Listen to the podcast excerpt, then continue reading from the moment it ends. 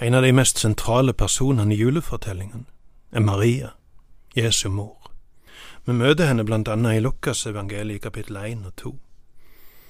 Lukasevangeliet starter med at Gud talte til den gamle presten Zakaria mens han gjorde tjeneste i tempelet, og fortalte at han og kona Elisabeth skulle få en sønn som skulle bli en veirydder for Messias.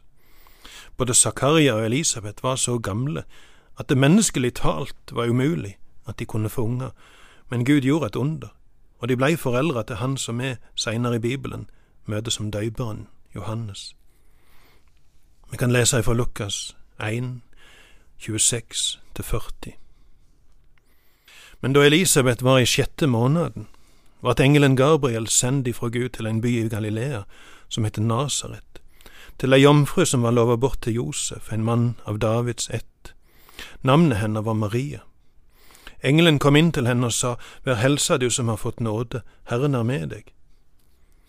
Med disse orda vart hun forskrekka og undrast på hva denne helsinga skulle tyde, men engelen sa til henne, Vær ikke redd, Maria, for du har funnet nåde hos Gud.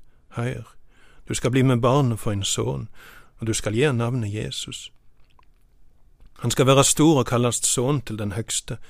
Herren Gud skal gi han kongstolen til David, far hans, han skal være konge over Jakobs hus til evig tid, og det skal ikke være ende på kongedømmet hans. Maria sa til engelen, Hvordan skal dette gå til når jeg ikke har vært sammen med noen mann? Engelen svarer, Den hellige ande skal komme over deg, og krafta fra den høgste skal skydja over deg. Derfor skal òg barnet som blir født, være heilagt og kallast Guds sønn. Og hør, Elisabeth, slektningen din, venter en sønn hun òg, på sine gamle dager.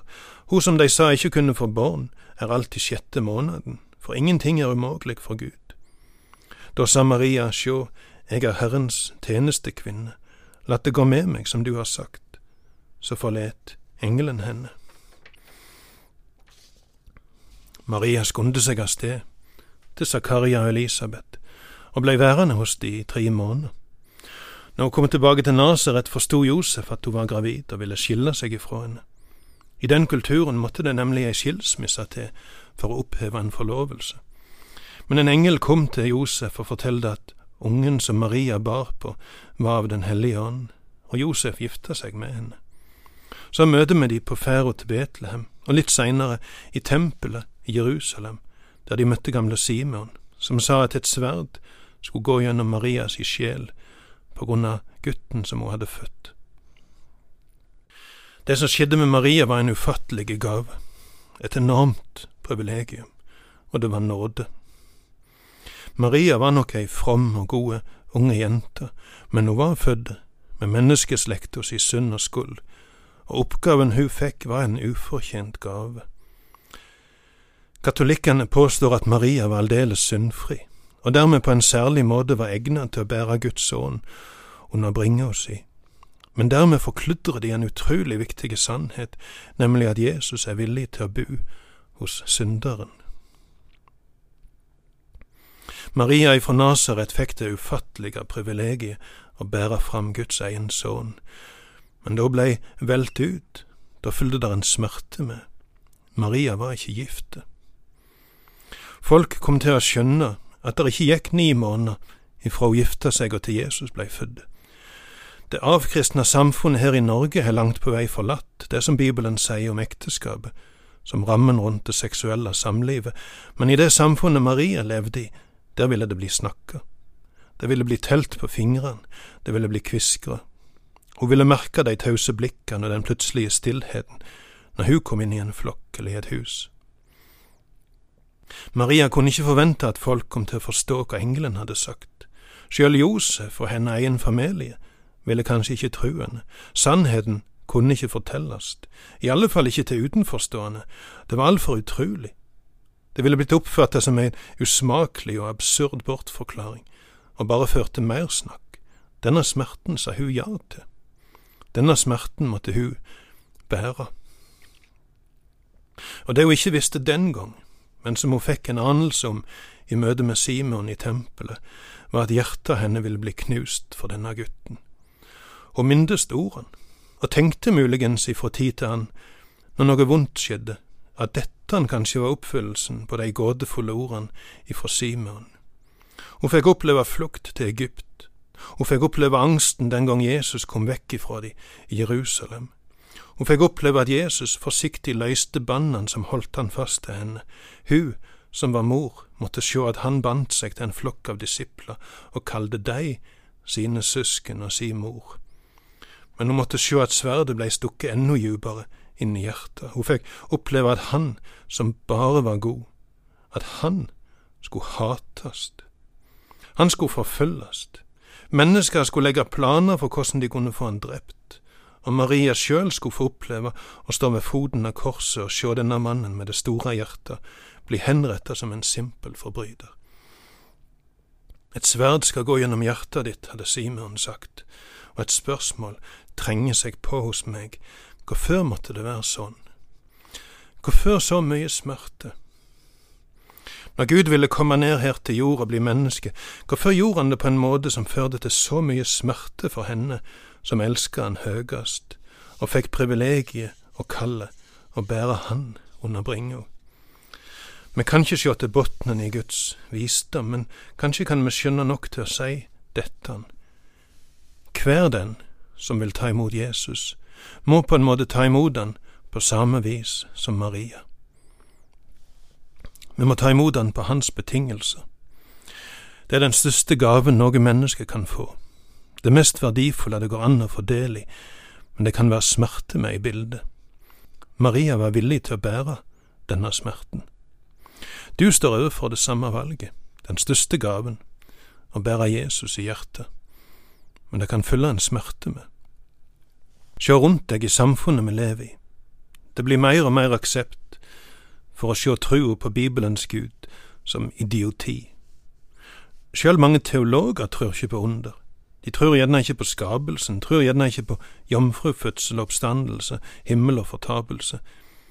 Er du klar til å bli ledd av og kalt idiot? Og nå er det ikke bare det at kristne blir sett på som overtruiske idioter. Nå vil du bli hånt og hatet, stempla som dum og diskriminerende, menneskefiendtlig og vond, hvis du heller fast på Bibelens tale om mann og kvinne, om et monogamt, heterofilt ekteskap, om én en eneste vei til himmelen, og om en evig fortapelse for den som sier nei til Jesus, er du villig til å bære det stigmaet? For stigma var det ordet som kom for meg, for å beskrive denne følelsen av å bli sett ned på, og ikke passe inn i det gode selskapet. Det å bære på noe som diskvalifiserer til aktelse og respekt ifra andre. Ordet stigma bruker vi gjerne ellers som et eller annet slags kroppslig lyte, noe som lett kan definere oss utenfor, i et samfunn som er overfladisk opptatt av utseende. Men så sjekka jeg opp hva ordet stigma egentlig betyr, og jeg fant ut at det er et gresk ord som betyr merke eller sårmerke, Ordet blir mye brukt om Jesus sine sårmerker ifra korsfestelsen. Jesus bar korset og sonte synda vår, og så utfordrer han oss til å ta vårt kors opp og følge Han. Vårt kors handler ikke om noe soning for synd, den saken er alt ferdig. Vårt kors og vårt sår er å bære det stigmaet og den smerten som følger med å tro på Jesus. At noen ler av deg. At noen ikke skjønner deg at folk ser på deg som en skrulling som truer alt mulig løye. At de ser på deg som mørkemann og som vond. At de skyver deg ifra seg. Opp gjennom tidene har det vært regelen, mer enn unntaket, at det fulgte et stigma med de som fulgte Jesus. At kristne ble mistenkt og mislikt, utstøtt og forfulgt, diskriminert. Sånn er det i sterk grad nå mange plasser i verden, og sjøl i vår såkalte kristne del av verden kan det henge et stigma med deg hvis du vil ta Guds ord på alvor. Maria var valgt ut til å bære Jesus i si livmor. Du er valgt til å bære han i hjertet, men det kan følge en smerte med. Det ene er hva folk sier om deg, det andre er hva de sier om han som du elsker så høyt.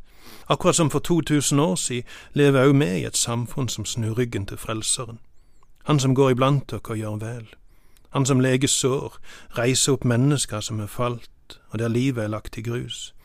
Han skaper forsoning, han helbreder familier, Han torlegger alkoholikere, han gjør narkomane rusfrie. Han gir ungdom livsmot og mening, men han konfronterer òg undertrykkelse og falskhet. Han konfronterer hyklere. Han heller fram sannheten, den udiskuterbare sannheten, og han stiller folk på valg. Han viser oss et veikryss med to veier, en som fører til livet, og en som fører imot fortapelsen. Han kaller synd med det rette ordet, og han kaller folk til omvendelse. Noen elsker han, men mange hater han. For noen er han umistelig, andre stenger han ute av livet sitt.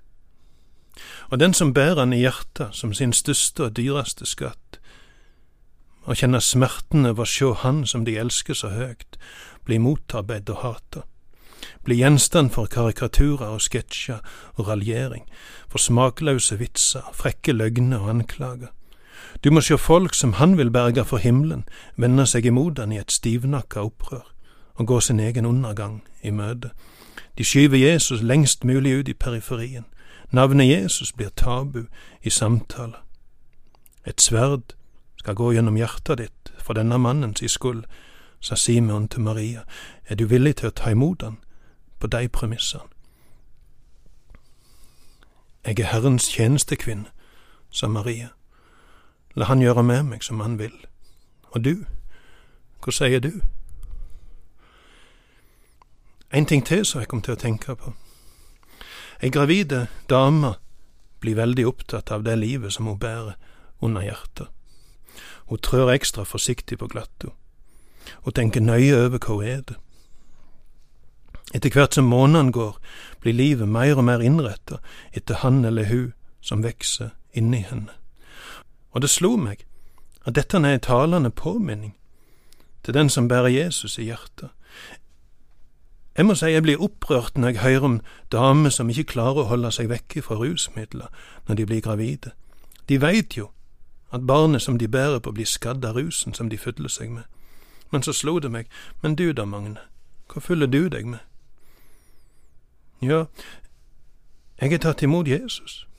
Han bor i hjertet mitt, men let jeg det være styrende for livet mitt? Fyller jeg meg med sånt som er gift for den hellige som bor i meg?